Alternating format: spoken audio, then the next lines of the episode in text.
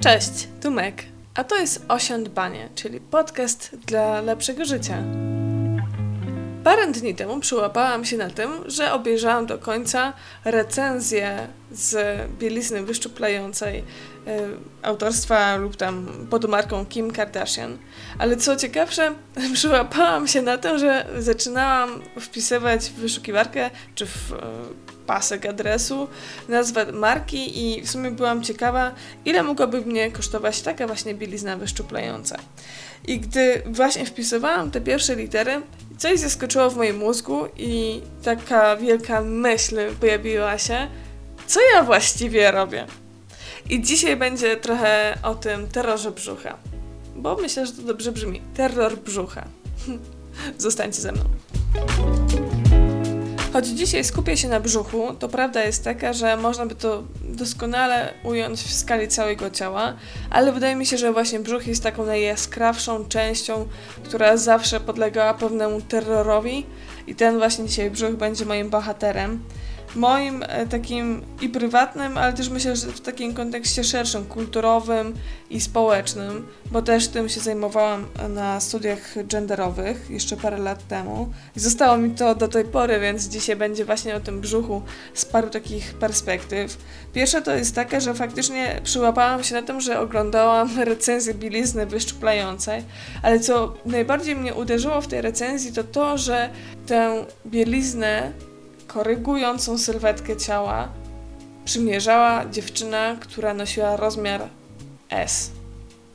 I to jest kolejna taka cegiełka do tej całej takiej narracji, kiedy kremy przeciwzmarszczkowe reklamują dwudziestolatki, kiedy są reklamowane na przykład środki do wybielania cery przez jasną skórę Azjatki, to taki właśnie moment, kiedy bieliznę wyszczuplającą przymierzają osoby w bardzo małych rozmiarach, albo w takich rozmiarach, no stereotypowo małych. Okej, okay, ja dzisiaj trochę poruszam się w tych określeniach S, M, mniej więcej wszyscy wiemy, z czym to się wiąże, ale powiedzmy sobie szczerze, że każda marka, każdy sklep, każdy model, to S tej MC jest nieróżny, nie, nierówny i w sumie to jest w ogóle temat na, na, całkiem inną rozmowę o tym, jak za pomocą właśnie obniżania lub zawyżania tej rozmiarówki wpływa się na ludzkie wybory, a tym samym później na ich y, postrzeganie własnego ciała. No ale nie będę się na ten temat rozgadywać za bardzo.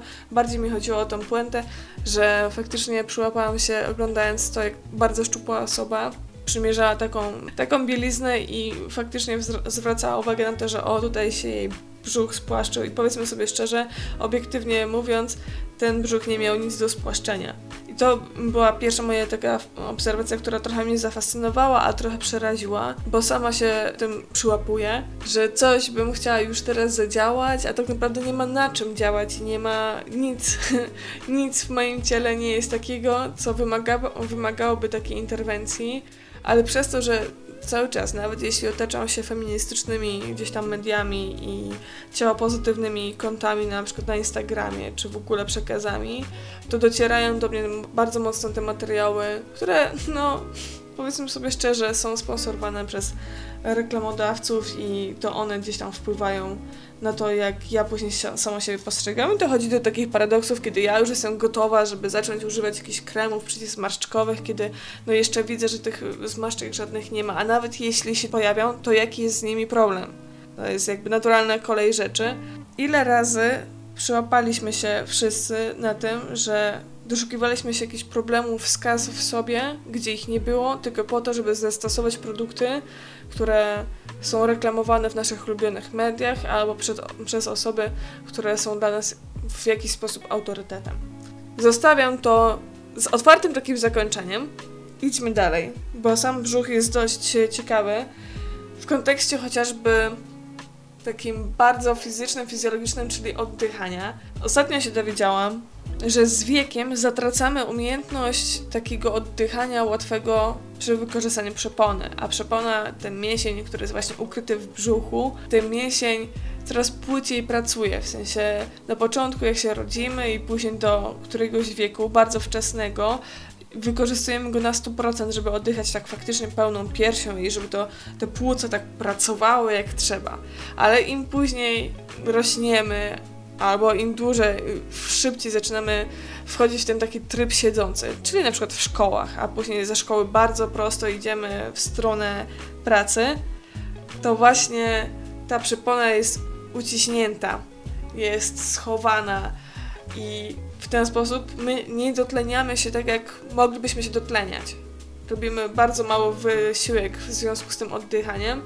No i to też trochę pokazuje taką popularność tych wszystkich medytacji, kiedy ty musisz się skupić na oddechu i pozwolić sobie na to, żeby ten oddech wszedł prosto nawet do twojego brzucha, do twoich trzew, wypełnił całą klatkę piersiową i później wyszedł. Takie oddychanie pełne, faktycznie, nie takie powierzchniowe, że gdzieś tutaj wchodzi na wysokość płuc, mostka i to jest tyle.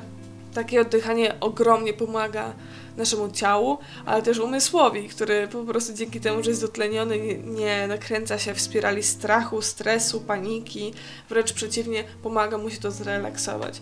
I ta uciśnięta przypona, czy to przez tryb siedzący, czy właśnie przez to, że jesteśmy wszyscy tresowani do tego, żeby ten brzuch wciągać, żeby w jakiś sposób nie wystawał, to jest kolejny taki wątek, który mnie zastanawia i zostawia w takim, w mojej głowie taką myśl, what the fuck?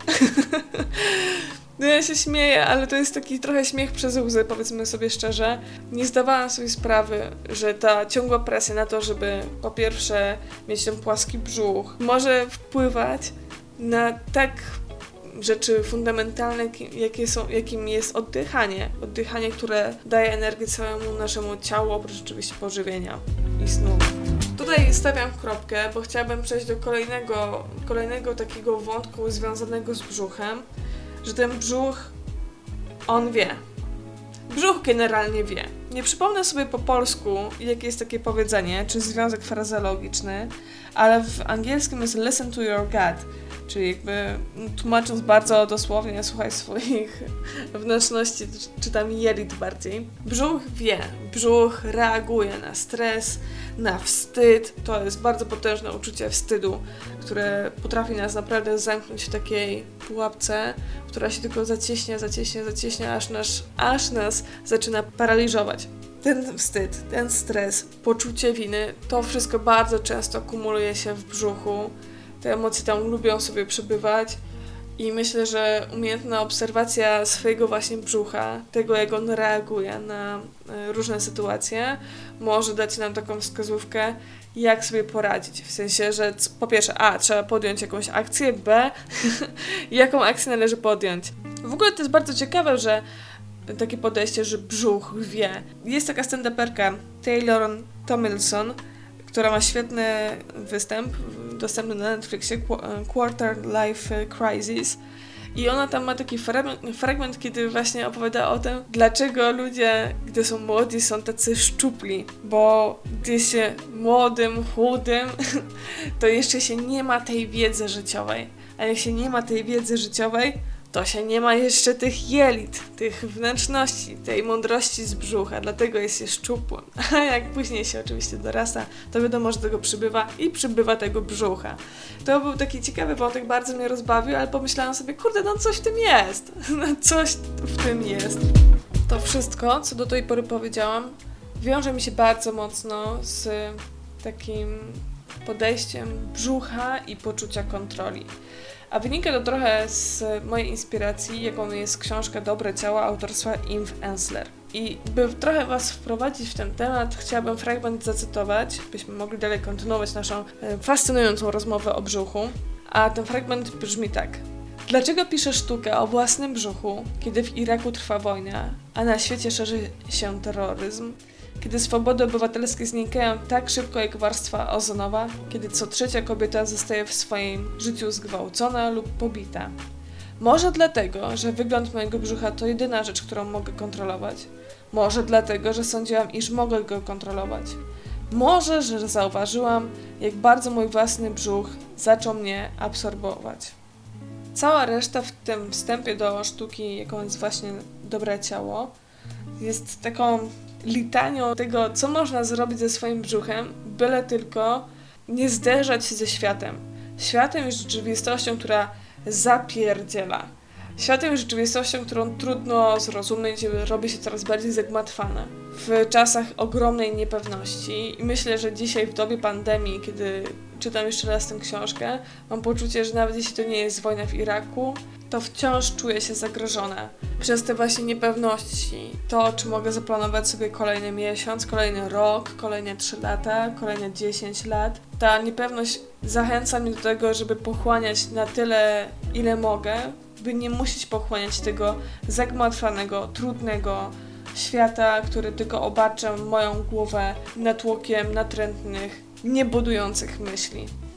To pochłanianie jest też o tyle ciekawe, że cywilizacja, w której żyjemy, cywilizacja nastawiona na konsumowanie, zachęca nas do tego, żeby konsumować jak najwięcej, jak najczęściej, najbardziej różnorodnych na świecie rzeczy. I nie tylko rzeczy, bo myślę tutaj też o doświadczeniach, a jednocześnie żąda od nas, byśmy były i byli chudzi, by ten brzuch i wszystko powyżej i poniżej tego brzucha było wtłoczone w idealną ramkę, ramkę, o której mówiłam już wcześniej. To jest tak ciekawe zestawienie rzeczy, które się wyklucza, nadmierne pochłanianie, konsumowanie, a jednocześnie ta dyscyplina, by pozostać chudym. No to jest taka opresja. Opresja oparta na sprzecznym komunikacie.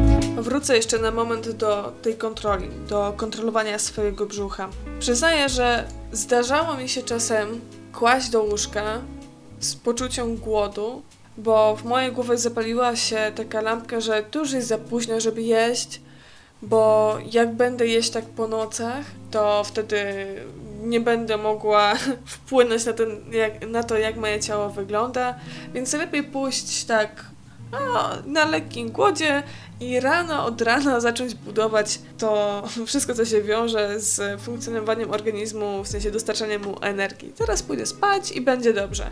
Teraz, kiedy to mówię, mam takie poczucie, że to była jakaś moja forma właśnie kontrolowania tego, trochę też robienia sobie krzywdy, tym, kiedy nie reagowałam na potrzeby swojego ciała, tylko po to, żeby zmieścić się w jakąś naprawdę szkodliwą sylwetkę, ale teraz mam odwagę o tym powiedzieć.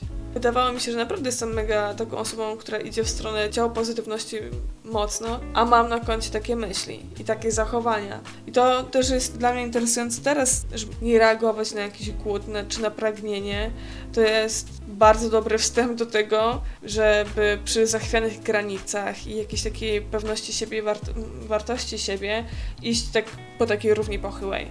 Takiej, kiedy nie je się całymi dniami, kiedy się nie odpoczywa, kiedy pozwalasz sobie na to, żeby niszczyć to ciało różnymi substancjami albo zachowaniami, ale kiedy też pozwalasz, żeby to ciało przestało być twoje. Gdy to ciało zostaje przejęte przez inne osoby, których nie lubisz, których nie kochasz, których nie szanujesz i one w jakiś sposób pewnie też cię nie szanują, nie kochają i nie lubią, kiedy to ciało wykorzystują teraz bardzo mocno brzmi, ale wydaje mi się, że to jest taki bardzo lajtowy wstęp.